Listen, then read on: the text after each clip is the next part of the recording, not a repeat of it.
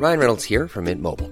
With the price of just about everything going up during inflation, we thought we'd bring our prices down. So to help us, we brought in a reverse auctioneer, which is apparently a thing.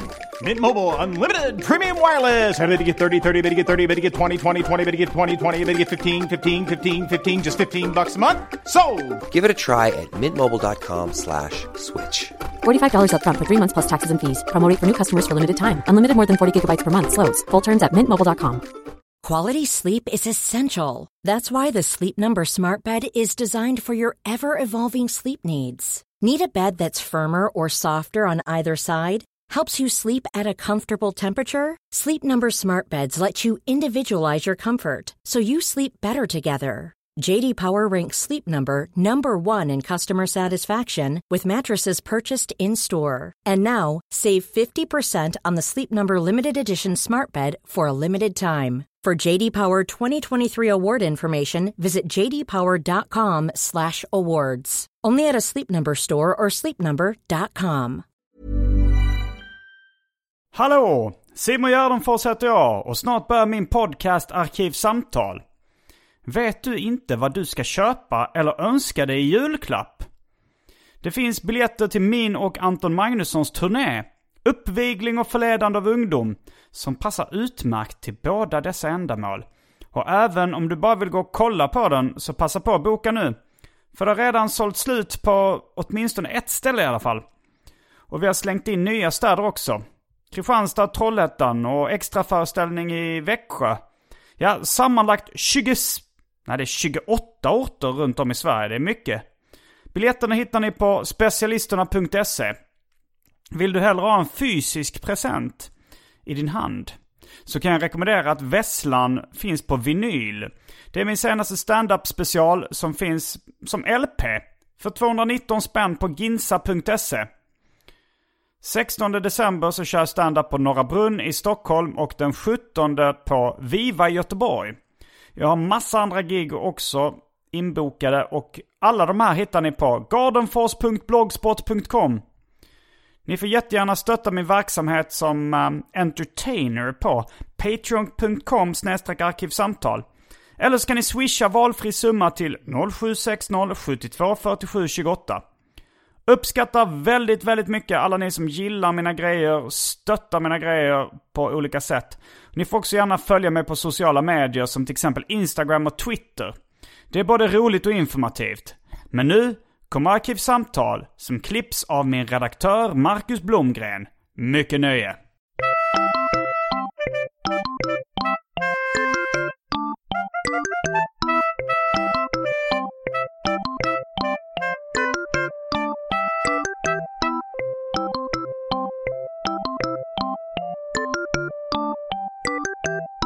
Hej och välkomna till Arkivsamtal. Jag heter Simon Gärdenfors och mitt emot mig sitter Simon Chippen Svensson. God dag. Välkommen till din egen studio. Studio 4 på underproduktion. Ja, tack så mycket och välkommen själv då. Tack. Eh, studio 4, är det någon form av skämt att det heter Studio 4? Ja, Är det för att, eh, för att det, låter som en SR-studio då? Eller- Eller är det... ja men det skulle ha ett namn kom jag på efter att Ja. ha använt det nu ett par år. Och då, eh, siffra då, väl, det kommer säkert från Sveriges Radio ja. Mm. Ja, det, jag associerar det med S- Sveriges Radio. Mm, när jag jobbade där så sa jag mycket. Studio 13 och Studio 8. Jaha, ja. Ehm, så det är säkert därifrån. Ehm, Mm, jag och då uppskattar kom skämtet. ja. och Men nu när jag vet också- att det var ett skämt så... Det- Om det hade funnits fyra studios i den här byggnaden så hade det inte varit lika kul. Nej, absolut. Men, eh, det står ju fyra också på dörren då. jaha, okej. Mm. Mm, Missade du upp vägen in. det missade jag. Ja men eh, vad kul att vara här. Eh, Du har ju varit gäst i Arkivsamtal för Det är en så kallad slow count. N- eh, Vad är en så kallad slow count? Det är att den här podden har varit med, eh, den här podden har funnits i kanske sju år, sedan sommaren 2012. Mm. Och du har varit med liksom, fast du har varit med långsamt. Att du har varit med med, med stora mellanrum.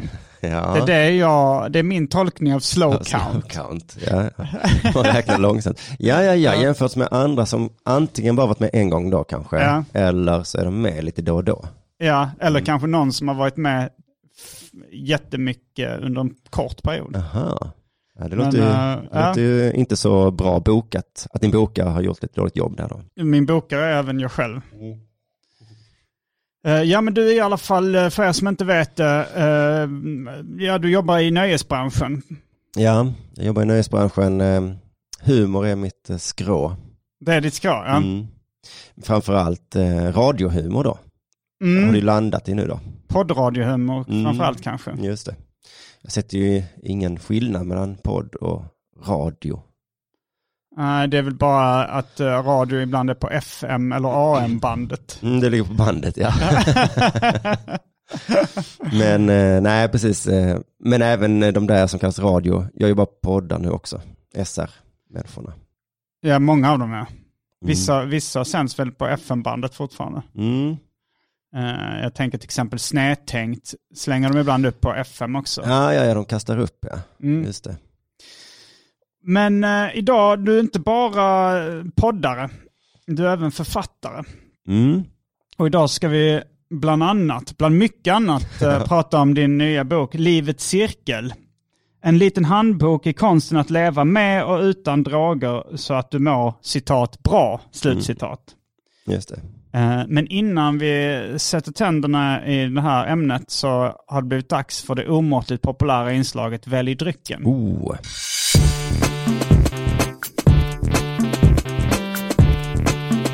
Börjar med det fasta inslaget Välj drycken! Och då är det lite jag som är, vad heter det när man inte är gäst? Host. Ja, du, du Värd. presenterar. Presentatör. ja, du, du, är, du är värd för Välj drycken just nu. Gästvärd. Gästvärd, då befinner vi oss alltså på mitt kont- i min studio precis bredvid mitt kontor som ligger där inne. Mm. Ehm, och Eftersom det här är poddradio så pekade du nu åt uh, mitt vänster, ditt höger. Och det så att då... ni vet, lyssnarna. Ja, det är så dumt när de inte ser sådana avgörande saker. Eh, och det, det delar jag då tillsammans med några andra människor. Va? Så att det, det dryckerna som finns där inne är inte mina, men jag är säker på att vi får ta dem. Och sen så har jag ett kylskåp som jag aldrig använder. Mm. Vi får säkert ta det som är där inne också. Det är en av de mer gåtfulla Välj drycken-presentationerna jag varit med om. Ja, så att jag är lite osäker själv på vad som finns. Vi kan Mm. få gå och... Eller hur gör man då? Ja, alltså jag, eh, jag föreslog att vi skulle göra lite förarbete. Ja, Men då så sa du vi kan gå och kolla. just det. Men Och då, det, det tyckte jag lät som en bra idé för, för tillfället när du sa det. Men nu när, när, jag, när jag ställs inför fullbordat faktum så att säga, då inser jag att det var kanske inte så bra idé. Då måste man först gå och kolla och sen så blir det en överraskning om vad vi... Men vet du vad? det är den sämsta typen av människa. Är en retoriskt skicklig människa som är, som är dum. Övertyga andra om dumma idéer. Det var Hitler, han var egentligen bara en retoriskt skicklig men dum. Men dum, jo precis. Alltså dum han, som är elakt var kanske ja, allt. Men för nu ångrar jag ju mig själv. Att jag Fast han vill- var väl också kanske lite dum. Alltså det, det gick ju inte så jättebra för honom. Nej, men då gör vi så här istället. Mm. Att jag vet eh, lite grann, det, det går att fixa kaffe, det går att fixa te. Eh, I kylskåpet såg jag att det står en folköl. Mm. Eh, på mitt skrivbord står det en bag-in-box med ganska fint eh, bag-in-box-vin tror jag. Mm. Den dyrare hyllan. Oj, oj, ja. Ja. Eh, rött vin då, som är kvar sedan releasefesten för eh, Mm. Cirkel. Och sen då bakom draperiet där inne så står det eh, fyra, fem spritflaskor. Oj, oj. Ehm, av utländsk sort. För de är inhandlade tror jag inte i Sverige utan på olika resor. Låter obehagligt. Ja. Eh, det är någon som har liksom någon slags grä, växt i sig. Är det en sån här Zybrovska gräsvodka? Kanske det. Med en eh, oxe eller någonting på utsidan? Så att vi kan göra så att du, att du kan välja om du vill ha det som är bakom skynket. Då är vi uppe och, och nosar på 30-40 procentigt va? Eh, Det blir någon form av gameshow det här. ja. Eh, Eller bara kaffe te för då behöver vi inte alls, då kan vi bara, Nej. Men jag vill nog ha något uh, alkoholhaltigt. Det lät så gott, alla de här Mm. grejerna. Men vi kan också, det finns ett annat återkommande inslag i Arkivsamtal. Har du, känner du till det här? Europas sämsta cliffhanger. mm. Även känt som en av Europas många cliffhangers. Jag känner inte till det men jag kan, jag kan nästan föreställa mig vad det är. Ja, eh, det är ju då Ibland kanske det är Europas sämsta cliffhanger, men Mm. för att braska lite så är det även känt som en av Europas många cliffhangers. Eh, och då, då är kanske, eh, ja, det, vi kan ju rulla vignetten här då för det. Eh, och då är ju eh, cliffhanger den här gången Mm. vad uh, kommer jag, det kanske dyker upp något eh, okänt som jag, inte, som jag inte visste redan i Välj drycken. Just det. Eh, Så det, mitt val i veckans Välj drycken, det blir en av Europas många cliffhangers.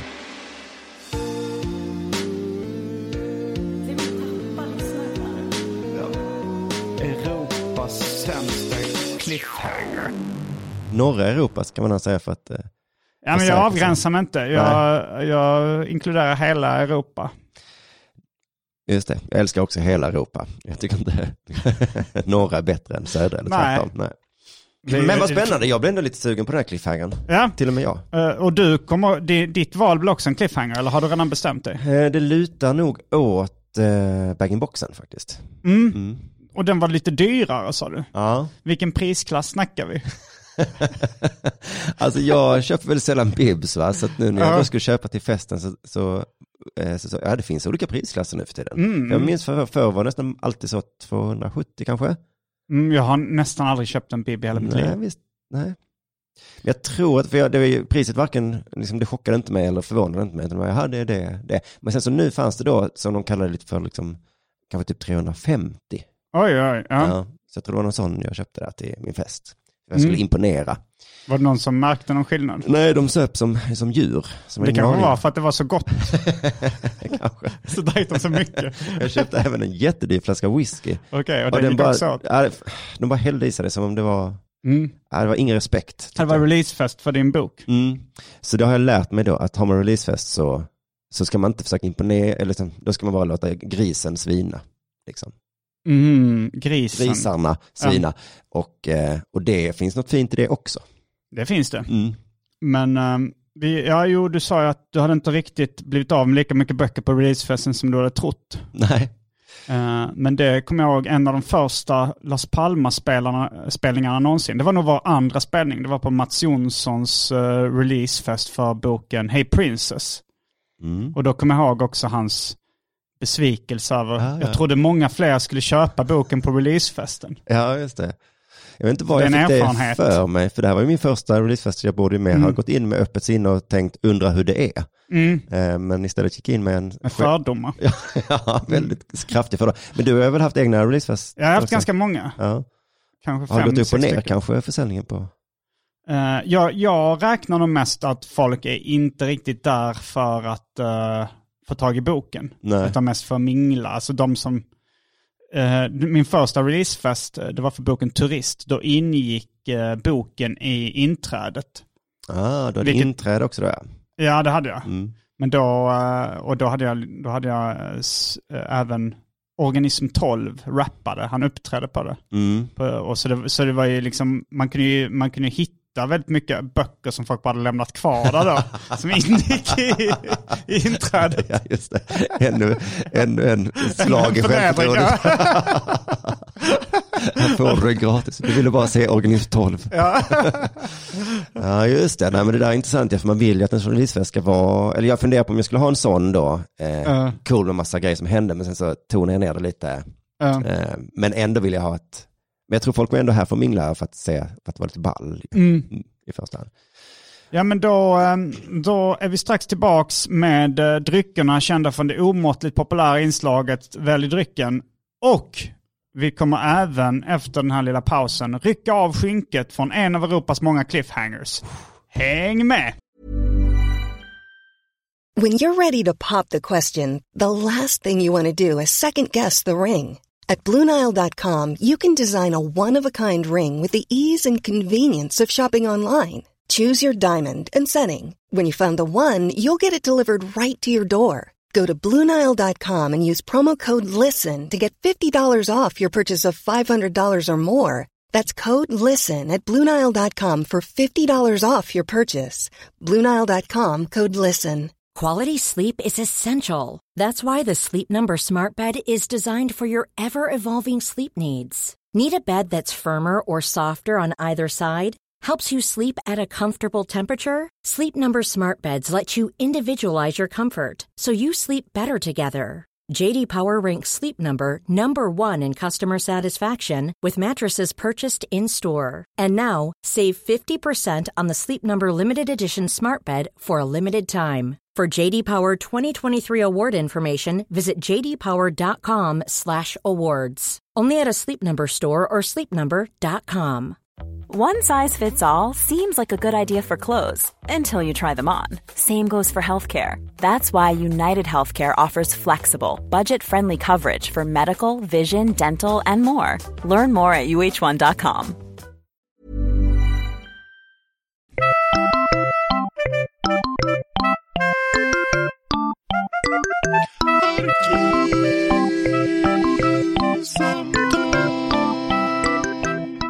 Då är vi tillbaks med eh, dryckerna kända från det omåttligt populära inslaget Välj drycken och med eh, resultatet, eller vad man ska kalla det, i en av Europas många cliffhangers. Och jag skulle nog säga att den här veckan så är det Europas sämsta cliffhanger. Hittar du en europeisk cliffhanger som är sämre så vinner du en kortlek den här veckan. Men då får det vara en färdig cliffhanger. Du får inte hitta på en egen. Det måste vara en, en existerande europeisk cliffhanger som är sämre än den här var. Eh, som, som du kan liksom... En cliffhanger som har fått sin upplösning innan då detta släpps. Ja, det ska vara liksom samma vecka som det här släpps. Oj, nu blev du orolig. Att jag måste betala en kortlek. Ja, precis. Vad jag för, tog jag i nu? Nej. Men också, det ska ju finnas då också att man ska kunna liksom hitta något bevis på den. Att det ska finnas en länk till, eh, till en, en europeisk cliffhanger som är sämre än vad vi skulle välja för dryck. Ja, just det. Annars blir det ju, annars blir det ju löjligt. Om du, jag menar om du hittar på, hittar på en bara för att få en kortlek. Ja, nej, det, det ser jag gärna att ni inte gör. Men, men, om ni gör det så, visst, men då får det ju stå för dig då. Men då är ju både det här vad vi har valt och eh, resultatet i Europas sämsta cliffhanger. eh, Det är då vinet från bag-in-boxen. Mm. Du låter inte eh, överraskad. ja, det hade varit konstigt om du var överraskad. Nej, det förvånade mig inte. Nej. För du var ju sugen på något alkoholmässigt och det där som var bakom skinket var ju inte så inbjudande. Det var en som hette apfelkorn. Det lät ju lite kul. Jag gissar att det betyder äppelkärna. Och det tyska ordet apfel tycker jag är lite roligt. Jag gillar att säga apfelstrudel till exempel. Mm, du gillar Men det. äh, Eh, ja, nej, men det har jag ju druckit många gånger som, apfelkorn, ja, hur smakar det? äpple. Helt enkelt. Det smakar inte, kärna. bittermandel. Jag tror, inte det, kärnan smakar lite... jag tror inte det betyder kärna. faktiskt. Korn betyder inte kärna på tyska. Jag har inte läst tyska. Det hade varit rent absurt att göra sprit av kärnor. Nja. Det måste vara äppelkött Mm. framför allt. I, Ja, men man vet inte riktigt. Alltså sprit, det följer sällan några logiska modeller. plommonkärna vin. Det hade ingen köpt. Men plommonvin hade folk köpt. Tror du inte det finns någon alkohol gjord på någon form av fruktkärna? är du beredd att satsa en kortlek på det här? Ja, det är jag faktiskt. Okej, hur kontaktar man med det om man hittar en sprit gjord på någon form av fruktkärna? Ehm, ja, det, det, det går bra på alla sätt. Eh, jag har faktiskt slutat med, eller jag, ja, nästan helt slutat med, sociala, medier. medier? Nästan helt och hållet, ja. Jag håller på Aha. att avsluta det. Det är intressant, både det här vinet och eh, sociala medier har ju med min bo, bok att göra Mm. lite grann, eftersom det är räknas som droger då. Eh, sociala medier räknas som droger Mm. av det. Det var ett gott vin först, måste jag säga. Modello Massi. Ja, visst var det. eh, Mm, det var lättdrucket. det. Jag förstår att folk bälgade i sig det. hur, många, hur många bibbar köpte du? Du, det var faktiskt så att bibbarna eh, dracks inte så mycket av den, det var ölen. Mm, ja, det, var, det kan jag berätta till alla som planerat att ordna fest. mm, Att eh, det finns för och nackdelar med att köpa Tuborg grön va? mm. För att folk blir inte så himla fulla av det. Eh, de, men å andra sidan går de liksom aldrig hem heller. Utan de bara sitter och häller häller häller. Man blir mindre full men man dricker mer. ja, de dricker och dricker och dricker. Så hade jag köpt lite starkare öl så kanske folk har blivit lite fulla och därmed trappat av i, i snabbare takt då. Om det är det man vill. Det som eh, George Costanza säger om strutskött. Det innehåller mindre fett men man äter mer av det. Det låter som precis som eh, Tuborg grön. det skulle de kunna ha som reklam. mindre alkohol men man dricker mer. Mm. Ja, eh, okej, men då eh, ska vi... Jag, jag, har ju, jag fick just boken i min hand. Simon Chippen Svensson. Är det en grej att uh, Chippen stavas med litet c och resten av eh, namnen stavas med stor Jag har bokstav, alltid tyckt att det varit begynnelsebokstav? fult med stort C. Eh, Mm. Stora C gillar jag inte, men det är ingen, ingen som har tänkt på det förutom du här nu tror jag. Alla som skriver skriver med stort C. Mm, Jag mm. skriver konsekvent bara med litet. Okej, du gör alltid det alltså? Ja. Och det, och, men på, men uh, livets cirkel stavas ju, cirkel stavas med stort C. Ja, är det men, du som har formgivit boken också? ja, framsidan har jag, För att li, alltså där är det också lite, alltså det är inte alltid man skriver eh, två stora begynnelsebokstäver i titlar i Sverige. det kanske är en amerikansk grej, ja. Mm. Mm. Jag, skri, jag har skrivit min titel många gånger, inte bara på Mm. jag formgav omslaget, utan jag har skrivit många gånger Mm. sedan dess. Och då hajar jag alltid till. Hur jag ska jag, och så väljer jag det stora. Mm, det är Men lite visst är den, eh, Nej, fan det är, jag trodde det var allt caps lock, men det är det ju inte. Det, nej. Nej. den extra taskigt mot folk som har någon form av CP-skada. Att du dessutom tycker att stora C är en ful bokstav. det är inte bara det här handikappet. Jag tycker det är en vacker sjukdom. Som du ser på baksidan här så står det CP. Ja, det gör det ja. Och bara för det har jag hamnat i lite CP-diskussioner. Okej, och det är också dess. med två, med litet C och litet P. Är det det? Ja. Då är jag konsekvent förutom just med titeln på min bok. Och du har hamnat i, i en, en, diskussion, en debatt, i blåsväder. Ja, många, små blå, många små blåsväder. Okej, Pyttesmå. men ja, okej, det är någon som har eh, reagerat på... Ja, men min fru och jag pratar om det ganska ofta då. Eh, Mm. Mycket på grund av baksidan. Eh, Kalle Lind la ju upp eh, både fram och baksida på sin Instagram. Då såg jag att det Ja. blev ett litet, eh, ett litet storm. Minidrev. Nej, det var någon som bara bad honom säga till mig att man inte säger så. Ehm, men, det, men det där är en av mina, heter det pet peeve? Det är ett uttryck jag aldrig hört för. Det är, jag tror det heter det, det är någonting som man brinner för. Ja, en Eh. käpphäst skulle jag ha sagt. det är en käpphäst jag har. Ja. Att jag måste få fortsätta säga det, för jag tycker det ligger så himla bra i mun. Um, Och jag menar eh, inget illa med det, och jag menar snarare att eh, jag tror inte att alla tycker att det är dåligt. Jag tycker inte att Nej. vi, jag ska vara talesperson för dem. jämför n-ordet. Mm, jag skulle kunna jämföra en ordet, men den, eh, det brinner jag inte lika mycket för. Men Jag brinner lite för det, men jag orkar inte ta den striden. Den här Jag- striden tänker jag inte släppa. jag har skrivit ett skämt som eh, inkluderar båda de två. Som är så här, eh, jag, jag har slutat säga n-ordet. Eller jag använder ju fortfarande den förkortningen n-ordet. Jag tänker att det är ingen som blir arg för förkortningar. Förutom CPn då, men de blir arga för lite vad som helst. Lite vad som helst, ja. Just det, ja. Nej, Mm. vi säger ju ce- cerebral pares säger jag inte, nej. Du, nej, Det skulle aldrig falla mig in. Det, det, det är fult. Cerebral pares. Ja. Jag tänkt på det att i USA så är inte cerebral pares någon grej. Det är mest i Sverige tror jag som, det, alltså som barn använder det som skällsord. Eller som, alltså för där om man går runt i Central Park så är det mycket så här CP, café och liknande. Att det har ingen laddning där. Nej, nej, nej. CP. CP. Nej, sjukdomen kan man inte kallas för CP då. Är det en sjukdom? Oops, där trillar jag i fällan igen. eh, jag vet inte riktigt vad det, vad det klassas som då. Men En ehm, hjärnskada tror jag. eh, En födsel. muskelsjukdom ser man väl kanske ibland också. Ja. Det visar sig att ingen av oss har jättebra koll på cerebral pares. Nej, eller ens vad en sjukdom är. Nej, vad är egentligen normalt? Ja, just Det det. är ämnet vi ska diskutera idag. Nej men eh, jag vill, jag vill, eh, jag har fått boken i min hand, jag har inte läst den ännu, men jag är väldigt nyfiken på eh, vad det är för någonting. Berätta, Mm. berätta om den.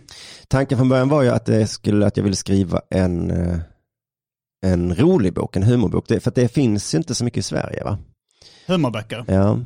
Det finns, vi har sett de amerikanska ståupparna skriva lite då och då. Mm. Um, Jesper Rönndahl släppte någon, eller han släppte en för ett litet tag sedan som var, det var, det var ju en slags bok ja. Mm. Ja, det får man nog kalla det. Ehm, annars kommer jag inte på. Humorböcker, ja, men det, det finns ju en hel avdelning ofta på eh, Akademibokhandeln och liknande. Men Det- visst skulle du och jag säga att de i så fall är lite fula, lite tråkiga? Skulle vi inte det?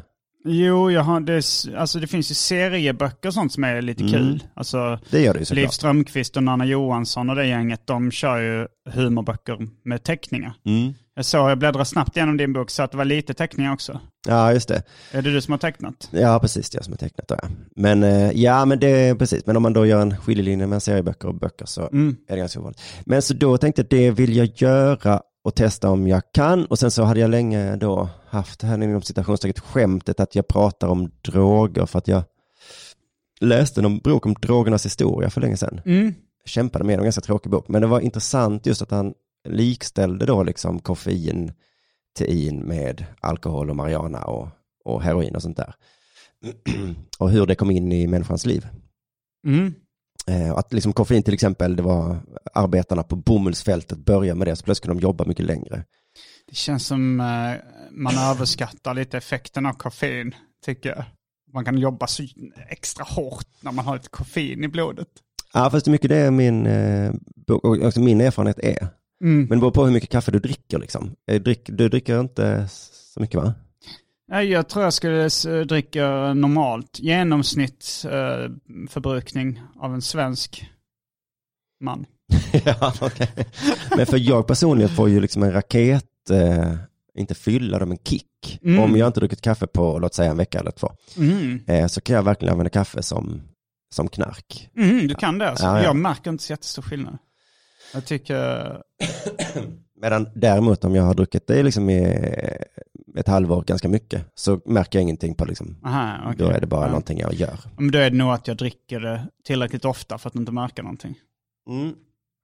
Och det, det var det också som blev min tes då med livets cirkel, att det är tre tårtbitar i cirkeln. Mm. I en eh, tårtbit där är jag nu och kanske det också då att man liksom eh, dricker hur mycket alkohol som helst, hur mycket koffein och nikotin och socker som helst. Och det Ja, kan vara ganska... Jag, har inte, jag har slutat med nikotin. Mm. Precis, men jag tänker mig att alla har sina egna droger då. Mm.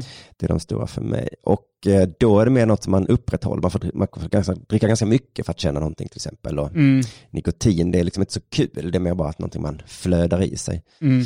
Och då för att kunna känna någonting igen, för det alla är ute efter är ju den här första Jungfrusilen. Just det. Och den kan man nästan nå då genom att plötsligt göra, hamna i tårtbiten detox va? Tårtbiten detox, okej. Ja. Mm. Det- Och det är där då där jag slutar helt med allt under en period. Okej. Eh, och det är ju vidrigt då. Och sen därefter då kan man börja så smått igen och då är alla droger roliga igen. Ah, så det är, det är liksom eh, konceptet i boken. Mm. Det är en ganska tunn bok. Mm. Den är, hur många sidor är den på? 64? 60 någonting. Ja. 63. Och eh, det, det är ju inte jättemycket text på varje sida heller. Nej, det är ganska liten text, men det är inte så, precis, det är inte så många ord kanske. Men, Ehm, men eh, hur många ex eh, tryckte du upp den här i? Ja, är det en em, hemlighet? Mm, jag brukar inte hålla det hemligt Nej. vad mina böcker trycks i för upplaga. Nej, jag undrar om det... Nej, men jag tryckte upp 500 Mm. stycken. Och sen så, och de är ja, på väg att ta slut nu då, men så ska de komma som e och ljudbok snart Mm, du ska inte göra en ny upplaga då? Ja, men kanske gör jag det. För att det är inte så dyrt att trycka sådana små böcker. Så att eh, själva kostnaden, Är de tryckta i Danmark? Litauen. Litauen, ja. ja men jag, det var en kompis till mig, jag vet inte var han, vad han hade för källa på det. Han sa så här, eh, idag så räknas det som en succé om man säljer över tusen böcker. det var min kompis eh, Krille Brun som han kallas som, eh, som sa det. Men det har jag tagit fasta på. Mm, mm. Ja, men det måste vara skillnad på vilken genre kanske. Mm, ja, han, men det var nog, jag tror hans mamma jobbar på bibliotekstjänst. Ja, det ja, kan ja. vara källa hans mamma. Och då var det liksom inte uh, genrebestämt. Nej, just det. Ja, men, nej, men det kanske låter rimligt med tusen. Ja. De som sitter där inne i mitt eh, kontor, Mm. eh, de eh, är akademiker och skriver sådana avhandlingar och sånt. Så när jag sa att jag, när jag hade sålt 300, så jag hade sålt 300 böcker nu, sa de oj, oj, oj. Vi, genomsnitten för, för vi, eller genomsnittet läsare som vi har är tre. och de Mm. skriver ju tjocka böcker liksom. Oj, ja. ja. Det är ju deppigt. Det är oerhört deppigt, ja. För deras Ja. är ju väldigt viktiga då, gissar jag. Mm. Jag tror eh, den boken som jag har sålt mest av är nog Simons 120 dagar. Mm. Jag tror den första upplagan var 5000. Och sen eh, nu är jag inne på tredje upplagan. Plus en amerikansk upplaga. Ah, och det är 5000 för varje? Nej. Nej. Nej men det, det var därför jag lite har funderat på det som jag är ny i den här branschen, ska man hålla det hemligt? För det är lite coolt att säga första upplagan är slut. Ja. Men det betyder ju ingenting om man inte vet hur stor upplagan är. Nej, det är det inte. Men det är ju, jag, jag är för ett öppet samhälle. Information vill vara fri. Ja, det vill jag. Och lyssnare vill ju ha information. Ja, det vill de gärna ha. Mm. Men för jag märkte jag skrev på Instagram en gång så nu är första upplagan nästan slut. Mm. Och då var det ingen som undrade. Hur stor den var? Nej, men alla Men- blev, alltså även i IRL kom fram till mig och Ja. sa wow vad roligt, första upplagan är slut.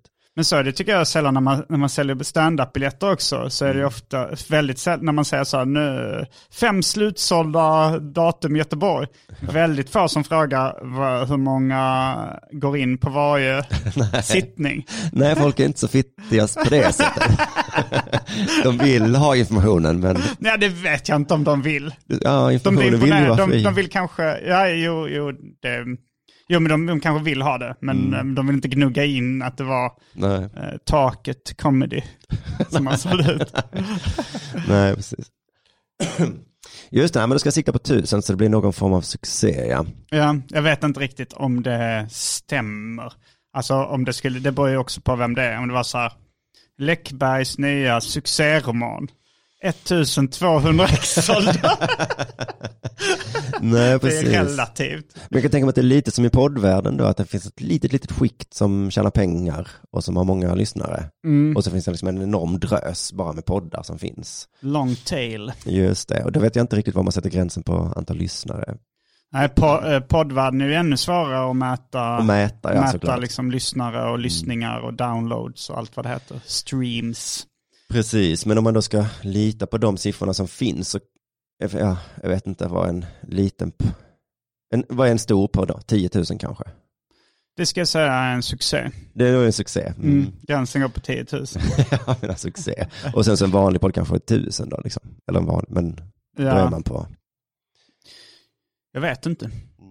Men eh, när, när, man lär, när jag ser den här utsidan, där står det ler med en snus och en, eh, är, är det ett glas med öl kanske? Ja, precis. På utsidan. Jag tänkte så här, eh, min första tanke var så här, hmm, för den heter ju en handbok att leva med utan droger så att du mår bra. Mm. Då tänker jag, min första tanke var ju så här, eh, det låter ju som att det är någon som liksom har haft ett missbruk men sen har blivit ren. Mm. Eh, men, och sen så tänkte jag så här, jag har aldrig uppfattat dig som en missbrukare, så det är förmodligen ett skämt på något sätt. Mm. Men, eh, men jag ändå ny, blev nyfiken på vad det handlar om. Ja, det är många som tror det trots att undertiteln är med och utan droger. För Ja. Det är det som är poängen med boken, att man ska kunna leva med drogen också. Mm. Även då i den här talksperioden ska man få lov att, att, att hova i sig. Sen så är det såklart skämtet, om man ska kalla det, att jag då har listat de fem stora drogerna. Och det är Som är alkohol. Precis, alkohol, koffein, nikotin, eh, socker och ostmackor. Varför är ostmackor en av de stora fem? För att det är någonting som jag i alla fall har väldigt svårt att inte äta. Ibland tänker jag, borde inte. Mm. Det är något bara men jag är inte ens hungrig. Ja. Och så stoppar jag i mig det. Så att det är någon form av drog, liksom, något jag inte kan sluta med. Och det är då när jag har mina detoxperioder och jag inte får äta ostmackor. Oerhört Mm. svårt för mig.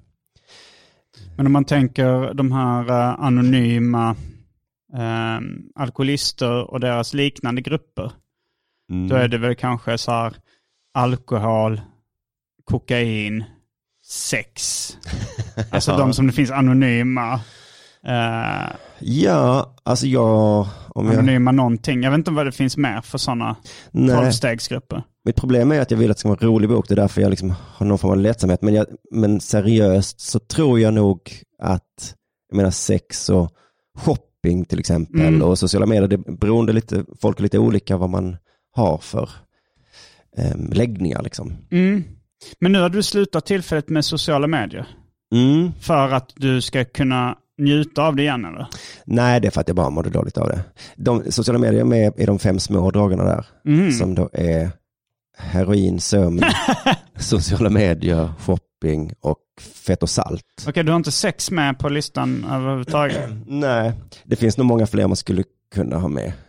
Urvalet gjorde nog vad kan jag skriva kul om. Ja. Eh, Du, och du skämtar inte så mycket om sex eller? Eller ja, på din senare, senare standup, eh, då, är det, då är det mer manligt kvinnligt ja, som du skämtar om. Det kan inte vara så mycket explicit om sex. nej, väldigt lite tror jag. Om just sex. Naket kanske. Men inte sex så. Nej, det är väl lite, lite gjort sådär kanske. Att skämta om sex. Ja, jag vet inte, jag hade nog kunnat ta med sex här. Jag, tycker, ja, Ehm. men jag, märkte lite kanske speciellt bland Malmö-komiker. Alltså så här, eh, både du, Kringlan och Marcus Johansson.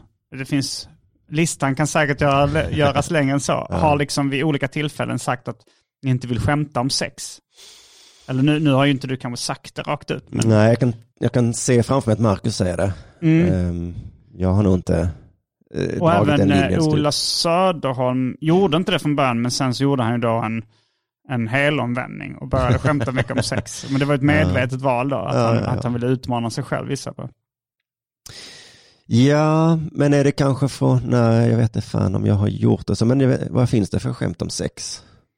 För kända skämt om sex. Kända skämt om sex. Alltså det jag finns ju hur men, många som helst, de flesta så här fräckisar. fräckisar, men jag tänker om, om man skämtar om eh, sitt, sitt eget liv. Jag, jag får direkt en minnesbild att du har dragit något, att du hade någon form av, Jag har mycket skämt om sex. mycket, men, men som just som handlar om dig, att Ja, du skulle ja, ha sex ja. med en tjej. Ja, ja, Och så hände många. någonting, någonting, minns inte exakt, men, det, men att det var något, att du var ful och dum. så var. Kanske det. Jag, Ja. alltså, jag har jättemycket, eh, jag, alltså, de flesta standup-sätt jag gör så är det minst ett sexskämt. ja, ja, ja. så där. Men, men jag, jag vet inte riktigt om det... Alltså det, om, om vi ska etablera begreppet den skånska prydheten. För när, när jag körde min senaste timme då på Lund Comedy Festival, Mm. eh, då var min pappa i publiken. Och han, och han, En känd pryd man va? han är ganska pryd faktiskt. Och efteråt så sa han så här, eh, ja, ja, eh, det var ju bra sådär. Det, det var ju väldigt mycket skämt om sex och sådär. Det, det tyckte jag inte var så intressant. Så här. Men eh, sen, jag gillar väldigt mycket skämt om musik också. De, men då, då, nu, liksom den här sammantagna bilden är det här liksom, att man tänker så här, ja, men min pappa, du, Ola Söderholm, Marcus Johansson och Ja, Kringlan, just att det är lite så här Lunda-akademiskt, eh, att, att det kanske, att det är det intryck jag får där man, där man tycker att man är lite för fin för att prata om sex kanske. Mm, så kan det vara. Jag, jag har något minne när jag och Emma Knycke hade en turné ihop och mina föräldrar just bara tittade. Mm. Så jag för mig att om det var mamma eller pappa som sa, ja du var roligt med det, Emma det var väldigt mycket sex i hennes. Eh." Använder de uttrycket under bältet? Nej, jag tror de sa sex. Eh, och att jag då, jag minns bara känslan jag hade att ja, just det, därför var jag bättre. um, det behöver kanske inte nödvändigtvis vara så. Var det det, att hon är LOL?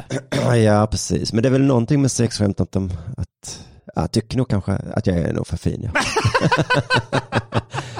fin är vad jag är.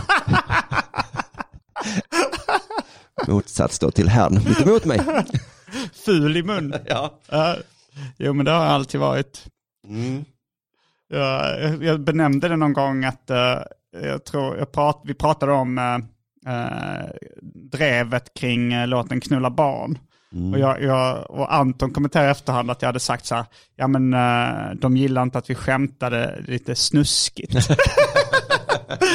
men det stämmer ändå, det är ju ändå att skämta lite, eller lite, kanske inte lite snuskigt, men skämta snuskigt.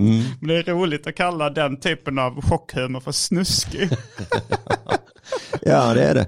Ehm, precis, och det är kanske därför den låten aldrig var liksom min favoritlåt heller. Liksom, Men varför från- från snuskig? plattan. Ja, kanske snusket där som heter det. Uppskattar det. I och för sig så finns ju liksom studentikos humor, det är väldigt mycket snusk. Alltså Mm. jag tänker, eh, men, men studentikos, ordet studentikos och studentikos humor, det är ju, det är ju mest bespottat av folk som kanske ligger nära de kretsarna själv. Ja, Det är ju aldrig, det är aldrig så att du, ja men, eh, om du är på, ute i landsbygden i, i Tollarp, att de då stör sig på studentikos humor. jo, Gör de det? jag tror det är för att när vi, jag och Jesper började göra radio, Mm. Om det var Punk Prego eller vad det var, så fick vi mycket kritik via e-mail då. Att det var eh, studentikost skit vi höll på med. Mm. Men var inte det från, eh, var det från Tollarp, de specifikt? Nej, jag vet inte, det kan vara från Stockholm då. Men, eh, men jag, jag vet inte riktigt vad de menade. Kanske var det vår dialekt, kanske var det var liksom, ja, om att ni det var låter lite... som Lundahumor. Och, det, och det, Lite akademiskt. studentikos Mm. tänkte jag, tänker jag ofta att det är så här, ja, men en blandning mellan eh, ja, intellektuellt och eh, pubertalt. Ja, men precis. Men, eh, men jag tänker just Tollarp skulle kunna ha någonting emot för att det är för akademiskt, att man skämtar Mm. liksom på ett lärt sätt. Att man, Eh, att att man själv vill bara- framhäva sig själv, att jag Jo. kan minsann det här om Platon. jo, för att det är ingen som skulle anklaga Eddie Meduza för att vara studentikos. Nej, just det. Men jag tror att studentikos är ett av de mest svidande skällsorden i svenska språket.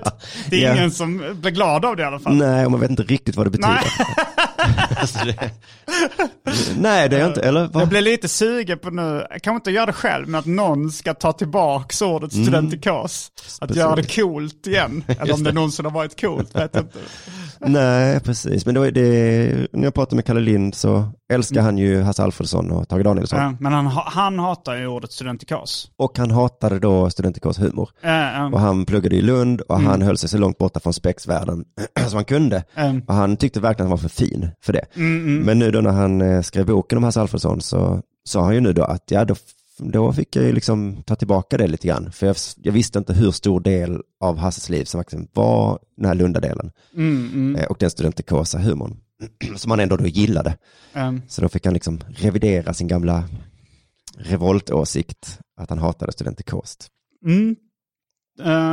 Det, fin- har du något mer att säga om den här boken, eh, eh, Livets cirkel? Går den att få tag på nu för tiden? Du, du eh, vill ändå... eh, Ja, när det, är vi i mitten på december nu och eh, det är cirka 50 böcker kvar som man då köper på underproduktion.se. mm, Så eh, den du- kan ta slut här innan jul. Eh, handel, men då finns den också som ljudbok. Det, det, för det läste jag in här i, i Studio 4. Eh, och det tyckte jag var ganska roligt. Eh, för jag, jag liksom skrattar lite då och då, läser fel, tar om och tänkte det, här, Mm. det här blir nog bra, kände jag. ja, Det blir nog kul lyssning. och den kan man köpa som ljudbok då också. Mm, precis. Och som e-bok. Och som e-bok. Eh, Det tycker jag är så coolt. Nej, men, eh, så att, eh, men, men mitt problem med boken nu i efterhand så där har ju varit att hur rolig blev, jag tycker den är rolig bitvis, Mm. men det kan vara att jag risk, hamnade i, nu, nu brinner jag för min tes väldigt mycket här, att man ska vara de här tre tårtbitarna. Att jag måste, att jag försöka, att det blev en självhjälpsbok mer än vad jag hade tänkt. Liksom. Att det blev det på riktigt? Ja, det var ju tänkt som en parodi på självhjälpsbok. Jaha, okej. Eh, men nu, men kanske blev det det på riktigt sen då. Och vilken var den tredje tårtbiten? Den första var väl, alltså det, en av dem var detox. Mm. Men vilka var de andra två? Det har jag missat. Ja, tox då när man får, eh, ta, eller får, när man liksom Tox, eh, ja. äter droger hur mycket som helst. Och sen pretox är den som kommer efter då man haft en detox. Och det är då som jag tycker det är gött att ta en snus om dagen. Ah. Och den är skitgod, jag behöver inte ta fler. Mm. Nu när jag är i toxtårtbiten så liksom är det en halv dosa liksom som jag bara bölar i mig. Ehm, och samma då med, med kaffe framförallt. Att Mm. då kan jag ta en espresso på morgonen, vara pigg hela dagen. Mm. Men problemet med den pretoxen skulle man ju vilja vara i jämt, men det går inte riktigt för att drogerna liksom vill att du ska ta mer och mer och mer. Så till slut så kommer du trilla in i toxen. Liksom. Drogerna vill det. Ja, och de vill också att tar du en kaffe så kommer jag i alla fall då bli sugen på snus samtidigt. Mm. Och sen plötsligt sitter jag där och tar en whisky till, för det är också gött. Ja. Mm.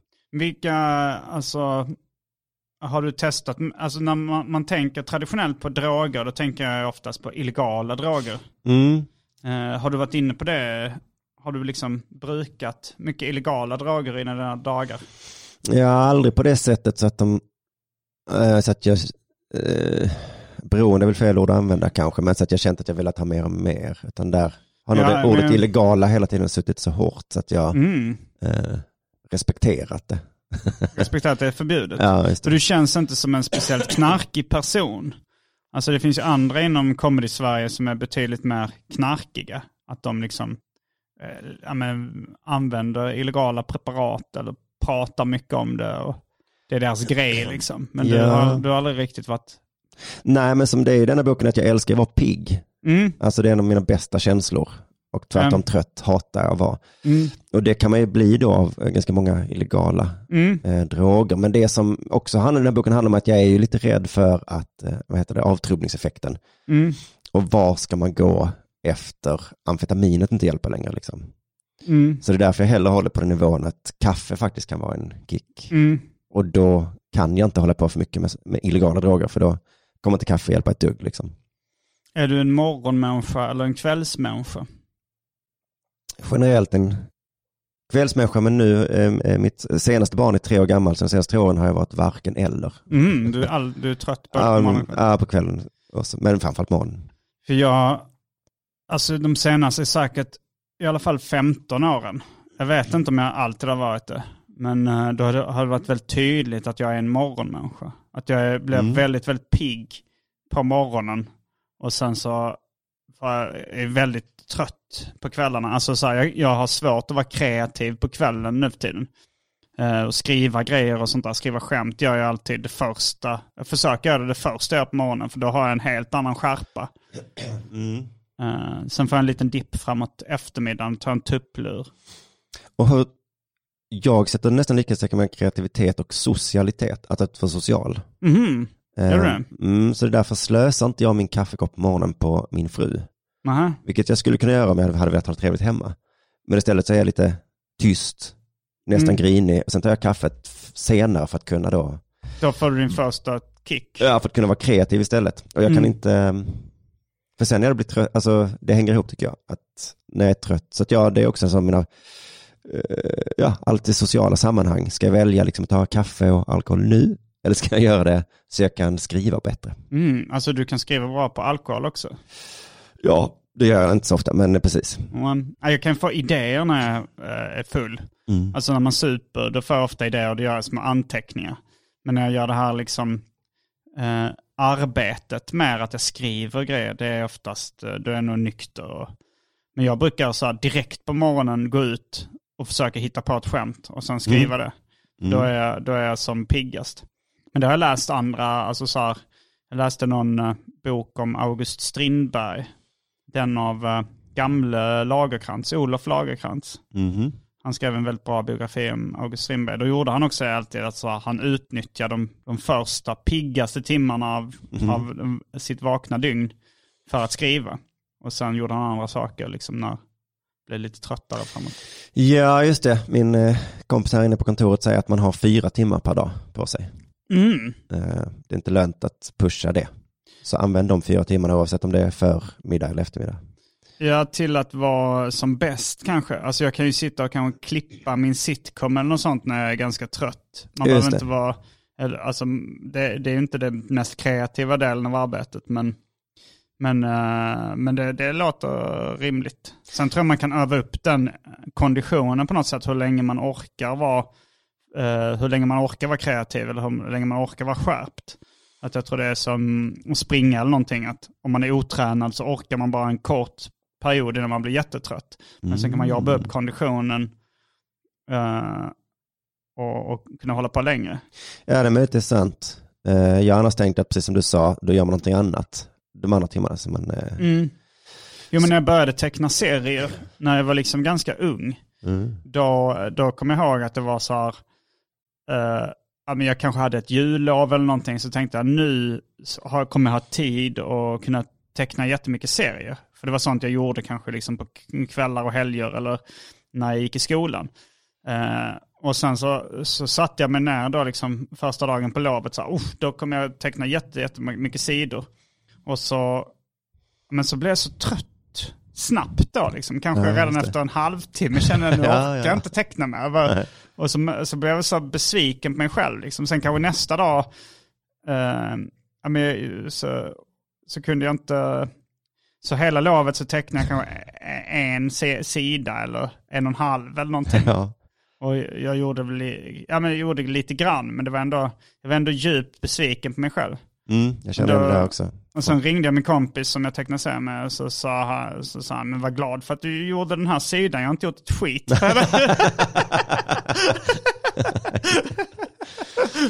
Nej men precis, men det är väl det som är, eh, många märker om man liksom slutar med ett jobb för att hålla på med något kreativt. Så Mm. okej, nu har jag tid. Ehm, Och sen man märker man att det går ju inte. Eh, Nej. för man var så van vid att jobba på ett annat sätt innan. Nu har jag de här timmarna på kvällen Ehm, kanske. Men sen lyckades jag liksom som, som man jobbar upp sin eh, kondition med att springa så märkte jag att jag kunde jobba upp min, min kondition på att vara koncentrerad.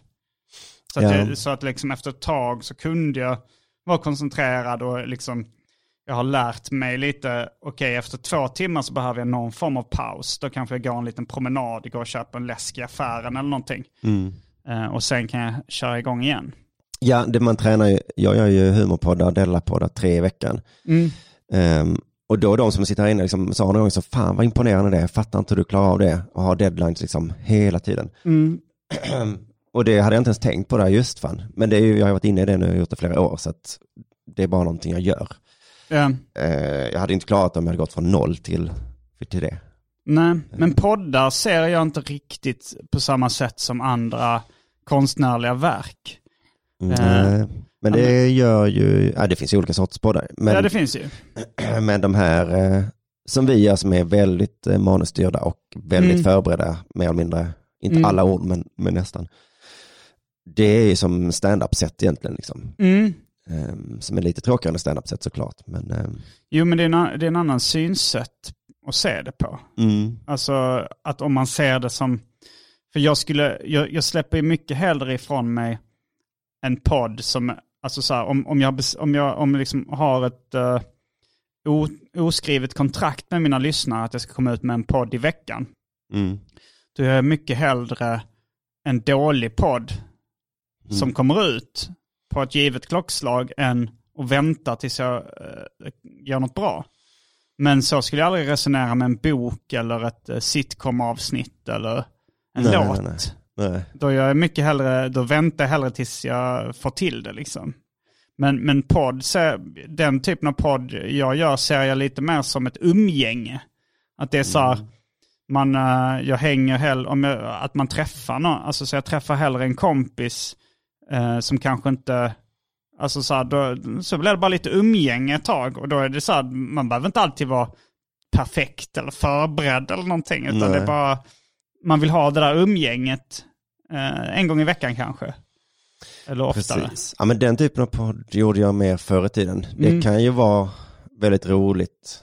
Jag minns att jag då ibland, ibland kom därifrån och kände som en fan, fan vad trist jag var den här gången. Mm. Och, och precis tvärtom också. Jo, idag var jag on fire. Mm. Men eftersom det är det jag gör, min kreativitet handlar om, de poddarna, Mm. så lägger jag väldigt mycket själ och hjärta i dem. Att de måste vara mer eller mindre perfekta, även om det är hela tiden jag spottar ur med dem. Ehm, Man misslyckas ibland såklart, men eh, det är ändå det som är ribban. Ja, men, du, men du, har du, du har återkommit till stand-up lite grann? Eller har du bara gjort ett gig sen du officiellt då sa nu slutar jag? Mm, jag har gjort ett sen dess, Ja, ett på tre år. och det gav inte mer smak? Eh, både och. Eh, jag beskrev det i ett delavsnitt att det var, ja, men lite som de här drogerna, att det var mm, alltså en fruktansvärd käns alltså känslostorm som jag blev rädd för. Mm. Att jag kastades tillbaka i hur det var för att dagarna innan åtminstone så hade jag självförtroende på botten. Jag kände mig ful och dum och sämst i hela världen. Eh, framförallt samma dag, jag blev liksom sur och grinig hemma. Jag satt bara och tänkte så att jag är den, åh fan vad värdelös jag är. Så att innan giget och höll på mådde dåligt. Sen så plötsligt började det komma något självförtroende någon timme innan sådär. Mm. Mm. Eh, och sen när giget närmade sig så fick jag den här adrenalinet på ett helt sinnessjuk nivå. Jag stod Okej. liksom och skakade. Och det hade du inte upplevt på länge inom stand-up? Nej, och framförallt då när jag höll på så var det mycket svagare. Mm, det var så mm. jävla starkt. Sen så upp på scen och det gick eh, skitbra på, på under jord då. Mm. Eh, som det gör för de flesta, men ändå. Det gick jävligt, jävligt bra. Så när jag kom av scenen så var jag liksom så, oh! Jävlar vad bra jag är. Jag gick och planerade en ny turné och jag bara Mm, tänkte det här måste många fler säga. Jag är bäst i hela världen. Mm. Och sen så, liksom den här högheten som jag kände, det adrenalinet, bara, och jag skrattade som fan åt de komikerna som var efter. Jag bara, åh Mm. fan vad allting är härligt. Och sen började jag började dippa lite. Och bara, jag, vill inte, jag vill inte släppa, jag får inte släppa den här känslan nu. Så du ska köpa öl.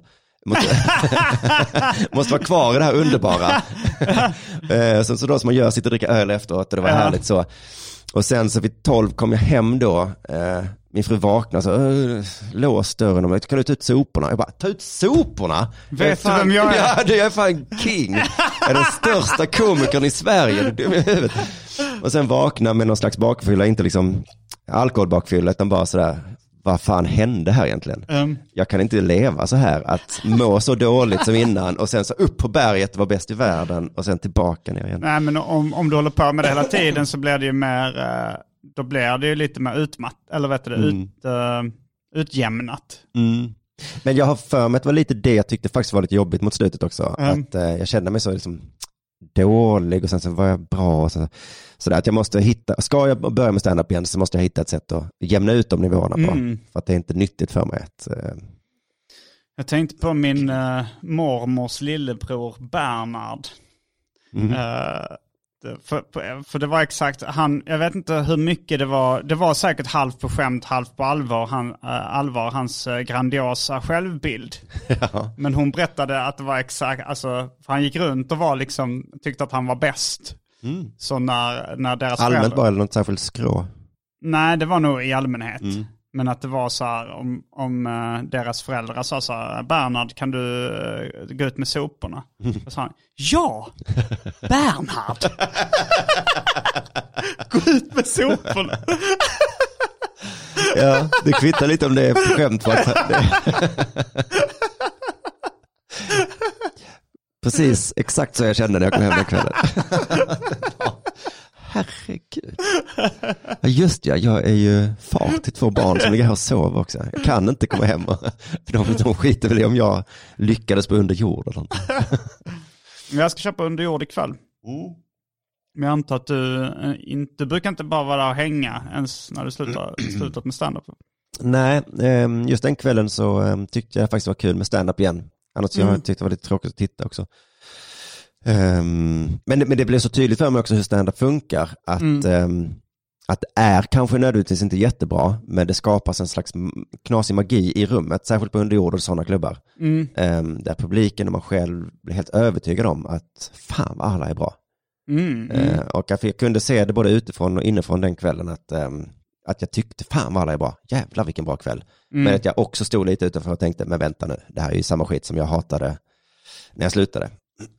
Mm, men under jord just är Sveriges bästa klubb. Jag tycker inte det finns eh, någon som är, alltså som, eh, som är nära på liksom att tävla och vara lika bra ens. Nej. Nej, men det är något med den som skapar den magin, eller vad man ska kalla Ja. det. För att man har ju varit med om man sett en komiker där och sen så dagen efter eller två, en vecka senare, samma sätt på en annan klubb. Och så bara tänker man, men det här skrattade jag ju så högt åt för en vecka sedan. Ja, men det blir, jo det är någonting. Det är svårt, att- svårt att sätta fingret på vad det är. Men det är väl liksom men, eh, en blandning mellan att det är så bra bokat, att det är liksom ingen som drar ner stämningen riktigt. Liksom. Och, och att det är en viss, och det drar till sig en viss publik som gillar en, eh, en viss typ av humor. Mm. Och- så förväntningarna i rummet på något sätt. Ja, jag, vet, jag vet inte Och, vad det är, för att det, har- det, har allt, det har varit väldigt bra väldigt länge också. Det har väl alltid varit en bra klubb. Liksom. Ja, det är många år nu ja, Mm. som det nästan alltid har varit så bra. Ehm, nästan varje kväll. Och, och det skrämde mig också lite från stand-up att när jag gick av scenen där och kände mig bäst i världen så fattade jag också, om jag gör det här sättet i Kristianstad imorgon så Mm. kommer det inte vara samma grej. Nej. Ehm, och det får man ju älska om man ska hålla på med stand-up, eller man får lära sig gilla det i alla fall. Att man kan inte trippa på under jordmolnen hela tiden. Så härligt är det inte med stand-up liksom. Nej. Utan man får lära sig gilla alla varianter. Då. Ja, man behöver ju inte gilla alla delar Nej. av livet eller stand-up heller. Man kan, Nej, man kan det- tugga i sig vissa delar av det och sen så njuta av när det går bra. Ja, liksom. ja, precis. Man får tugga helt enkelt. Ja. Och där är jag inte riktigt än redo att uh, tugga det tråkiga. Hade det bara varit underbart hade jag kanske Mm. hoppat på. Men, nu, men du kan ju leva gott på bara jag poddar nu. Och, Precis, ekonomiskt så lever jag liksom extremt bra på poddar och känner mig väldigt, Mm. eh, ta- är väldigt tacksam för att jag kan göra det. Jag vet inte hur länge jag kan göra det. Ehm, förmodligen ganska länge. ja, jag tänker åtminstone fem år till kommer jag kunna ha. Ja, och så kanske till och med ännu längre. Eh, Men det är väl bra att ha någonting annat i, i bakfickan. Jag har en liksom sån fantasi om att jag ska vara den här Seinfeld-gubbarna. Eller om det är Louis CK-gubbar jag tänker. Vilka gubbar? som inte är Louis CK men som hänger ändå på klubben, kör ett litet set och är Mm. ganska rolig, men i alla fall hänger i gänget liksom. Ja, alltså du har en eh, idé om att du ska komma tillbaka i stand-up och vara... Ja, inte vara bäst liksom, men ändå Ja. vara habil, som Ja. folk respekterar och tycker är rolig. Och så kan man vara i gänget i alla fall. ja, varför inte? Ja, men precis. Men eh, jag vet inte, alltså det här att alltid vara bäst och sånt där, det känns inte som en jättesund inställning. Nej, eh, precis. Det var nog en sjukdom jag hade när jag höll på med stand-up. Du kände att du behövde vara bäst? Ja, Ehm, för det var, när jag började där så var det inte så svårt att vara det, det var inte så många. Nej. Och så blev att jag ville vara bäst varje kväll sådär, oavsett vem som var där, så blev det en liksom tävling med Mm. mig själv. Och det gjorde ju att jag utvecklade mig, liksom, ansträngde mig som fan varje gång. Mm. Men precis, det är inte så, det är inte så man ska hålla på med saker. Nej. Man ska ha inställningen, jag ska vara en i mängden. Ja, nej men precis, men det är nog skönt bara man i alla fall är respekterad och omtyckt av de andra eh, som man själv gillar. ja. Det är ju något fint tycker jag. ja. Jag, nej men jag har hört andra komiker prata om det, att de gärna vill vara liksom bäst på kvällen. Men då tror jag det är svårt att, eh, att utvecklas i den hastigheten som man skulle kunna utvecklas i. För att, eh, för att, eh, för att komma någon vart så måste man testa väldigt my- mycket nytt material. Och när man testar nytt material tar man ju risk att, att bomba också. Eller att man inte får några skratt. Och då, om man då hela tiden vill vara den bästa på kvällen, då eh, ska man ju inte ta några risker. Och då utvecklas man inte heller i samma hastighet som man skulle kunna göra. Nej, Så jag tror nej. det är en osund inställning därför. Ja, på det sättet är det det. Jag, jag, jag jobbade med under jord och då var det nya sätt varje vecka eller varannan vecka. Mm. Och det, var- och det var det som gjorde att min självkänsla, eller att jag kände mig dålig var ju, jag måste vara bäst och det måste vara nytt. Mm. Och det, är ju, det går ju inte. Det är svårt ja. Ja, eller ja, precis, det är svårt i alla fall. Eh, I längden Mm. är det svårt. Under vissa perioder så kände jag att jag åtminstone höll jämn takt med de andra och hela tiden hade nytt. Liksom. Mm. Eh, Det var fett. Men, ehm, men man måste nog eh, hitta olika nivåer på sitt, eh, bara känna, men nu vill jag testa den här grejen. Kan jag testa en ny, nytt sätt att skämta på liksom. Mm. Och då börjar man om på noll på ett annat sätt. Ja. Men det, det blir kul om du kommer tillbaks i viss mån i alla fall. Mm. Men att skriva bok var roligt för då kände jag att nu behöver jag inte, det här är bara något jag gör för att Mm. det är kul. För det är det som är skönhet med mina... Ja, den känns rätt opretentiös på många sätt den här boken. Ja, precis. Den är kort och den är, den är som den är och Um, dens eh, teckningarna är som de är. Men, eh, men det är just för att jag har min podd i ryggen och min ekonomisk trygghet. Så att nu gör jag bara ett projekt som jag gör bara för skojs skull. mm. Säljer det så säljer det, annars är det skitsamma. Ja, du behöver, inte, du behöver inte stå och falla med det. Nej, verkligen inte. Och det var ett väldigt roligt sätt att jobba på. Mm. Så så kanske man kan göra med standup också till exempel. Att, eh, Det tror jag verkligen. Jag kom också med en ny um, upplaga av boken eh, Död kompis. Mhm. Som handlar om en gemensam kompis till oss som dog. Just det, och den har varit slut eller? Den har varit slutsåld ett tag. Mm. Eh, men nu, så, nu kommer det en ny svensk upplaga. Den, den eh, har jag försökt få ut eh, också liksom utomlands. Jag fick först liksom ett löfte från ett förlag. Men det var då när den kom ut. Men det, sen var det liksom lite i, i, finanskrisen i USA. Då sa bara, nej nu har vi inte råd att, att göra det längre. Men sen, sen så nu så var det en agent, en eh, italiensk-amerikansk kvinna som liksom eh, som eh, jobbar som agent. Och hon hade fått, lä- eller hon hade fått läsa nu. Och hon sa så här, den, den är svår, alltså, eftersom den är så gammal nu, den har så många år på nacken. Den kom ut första gången år 2012. Så sa hon att då är det svårare att sälja in det. Men, men jag fick ett sms från, eh, från min svenska förläggare. Det här blev lite reklam för boken då, som det kommer en ny upplaga. Men hon skrev I cried at the end, like it might be one of my favorite comics of all time. It's really deep but doesn't try. Och så skriver han att böckerna kommer på torsdag eller fredag. Och idag är det onsdag, så när det här släpps så lär den vara ute i handeln igen. Men eh, det är lite konstigt att den här agenten eh, tycker att det den, eh, kan vara den bästa serien hon någonsin läst. Men det blir svårt att sälja in. Ja, det där är... Det där är det längsta spjutkastet jag sett. Men du kommer aldrig vinna något. Hur ska jag kunna sälja in dig till? Gud vad sjukt. Men vad, just det, har du varit inne och pillat i, um, i den på något sätt? Nej. Nej. Nej, det, det är bara det, det, den här upplagan, det har ett annat omslag än första upplagan. Mm. Men, eh, men innehållet är detsamma. Just det, det var, för det hörde jag med han Bone som, eh, vad heter han, Jeff Smith. Ja, som du har en tatuering av på halsen.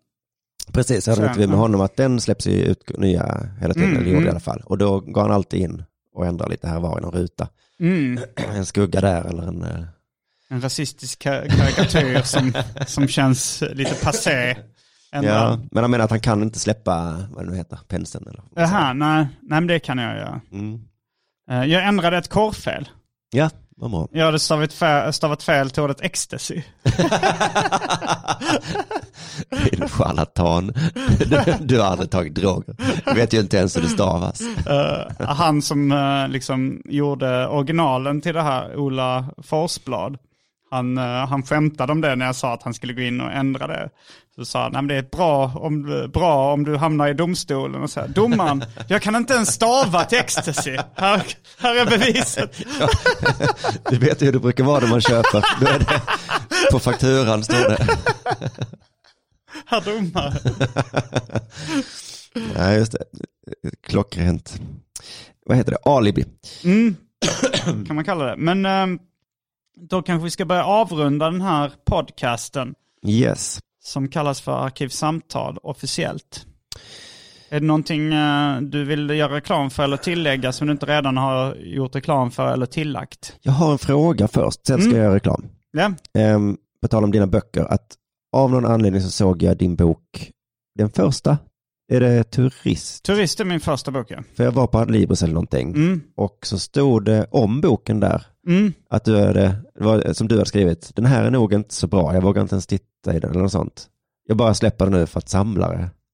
Ja, ja, men det var någonting jag skrev till min förläggare. Ja, Eh, alltså han, eh, eh, att uh, Lystring förlag då, mm. bad mig skriva en liten text om boken. Och jag tänkte väl att det var lite kul att bara skriva helt ärligt att det är så här, ja men jag, jag vet inte, jag gillar inte den här boken så mycket längre, men, men, eh, men jag vill att samlare ska kunna ha en komplett samling.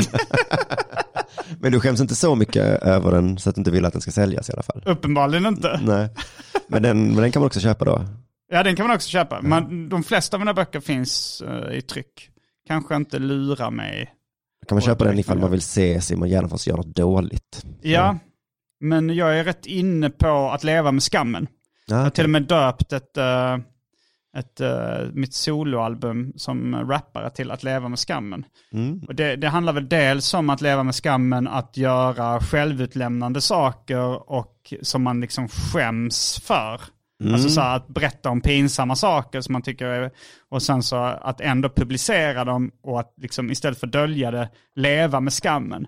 Men jag har tänkt på det också att... Men då jag- får man ju någon positiv eh, feedback loop som jag hörde någon säga. Att man säger något självutlämnande och Mm. så säger alla, oh det har jag också varit med om, eller oh wow, oh hur var det? Alltså att man, Ja, och så är det. Men så tycker jag också det är med kvalitetsmässig. Mm. Eh, ungefär som vi pratar om liksom att släppa poddar eller någonting som man kanske inte är helt nöjd med. Mm. Att man bara pumpar ur sig grejer och så får man leva med skammen om, om det blir någonting dåligt. ja. Eh, Sen så ibland kanske någon tycker att det är bra. Det jag tycker är dåligt kanske någon annan tycker är bra. Så kan det vara ibland när jag säger, åh fan det här poddavsnittet, håller det verkligen? Nej, Mm. det blir dåligt. Och sen så är det någon som skriver, ah, det var mitt favoritavsnitt. Det måste säkert ha hänt dig någon gång också. Ja, nej men precis sådär. Nej, men jag vet, jag har bara städat YouTube från saker jag hatar. Och så Mm. ser jag ibland något som ligger. Men då har jag nog tänkt så, okej, nu, för nu har jag nog slutat städa. Um, Tänker okej, det får väl vara då. Och så får det. och Ingen sen, eh, jag tycker, Men jag tycker det var en rolig, det är en rolig skrift. Jag blev sugen på att köpa den. oh, så är den så dålig? Nej, det, det tror jag inte. Nu ska jag fan. ja, det, jag vet inte, jag har svårt, eftersom man vid första verk så är det mycket eh, känslor kring det också. Liksom. Ja, ja, ja. Det, och jag, är, och liksom, jag var inte fullt utvecklad som tecknare heller. Det gör lite, det gör lite ont att se vissa linjer. Ja, ja, ja. Just det. Just det, som jag kan inte se. Nej, men precis. Min nya bok, den ska jag göra reklam för nu då. Ehm, Eh, Den är kanske också lite dålig då, eftersom det är min första. Om jag skriver fler så kanske jag också kommer skämmas för den en dag. Det gör jag inte just nu. Men, Men eh, möjligtvis i framtiden. Så passa på att köpa den innan jag skäms och, och raderar bort den. Eh, och den kan man köpa i min egenbyggda eh, webbshop på underproduktion.se. har du byggt den helt själv? Ja, det gjorde jag en vecka när jag var lite, mådde lite dåligt och inte Mm. orkade vara kreativ. Du kan alltså eh, knacka HTML? Ja, och dyl. Mm. Eh, och då behöver jag inte vara så kreativ, så det var ganska gött att sitta och bygga den eh, Mm. affären. Och där kan man också köpa Della Sport merch nu Mm. i den affären. Och eh, snart, inom några dagar, kan man köpa K. Svenssons eh, trilogibok där också. Mm. Eh, så det kommer bli gött. Men annars så eh, tycker jag bara att du gott kan testa och lyssna på eh, mina Della-poddar. Kanske framförallt Della Her Story. Den är lättillgänglig, den är gratis. Ehm, och är lite annorlunda.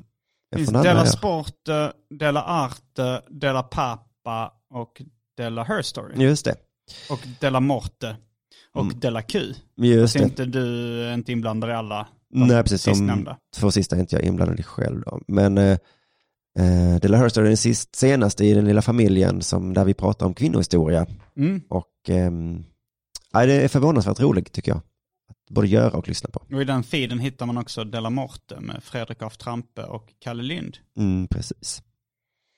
Just Mm. nu i december så, så kan man lyssna på Della Pappa gratis om man har koden julklapp med stort J. Okej. Mm, en månads gratislyssning. Då hinner man nästan lyssna igenom allt som ligger där bakom.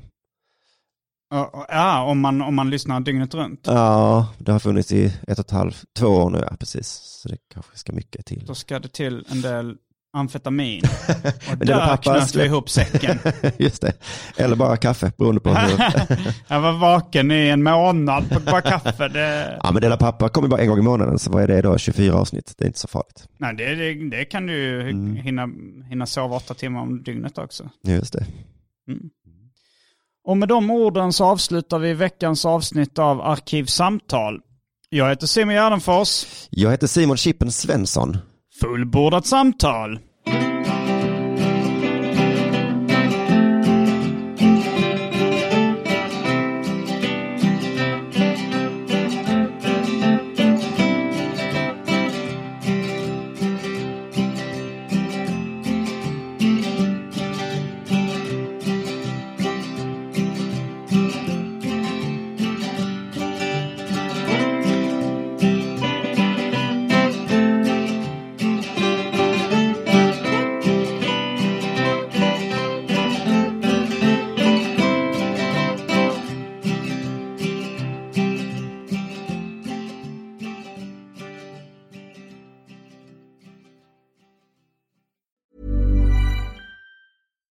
Deserves the best, and there's no better place to shop for Mother's Day than Whole Foods Market. They're your destination for unbeatable savings, from premium gifts to show-stopping flowers and irresistible desserts. Start by saving 33% with Prime on all body care and candles. Then get a 15-stem bunch of tulips for just $9.99 each with Prime. Round out Mom's menu with festive rosé, irresistible berry chantilly cake, and more special treats. Come celebrate Mother's Day at Whole Foods Market. Planning for your next trip?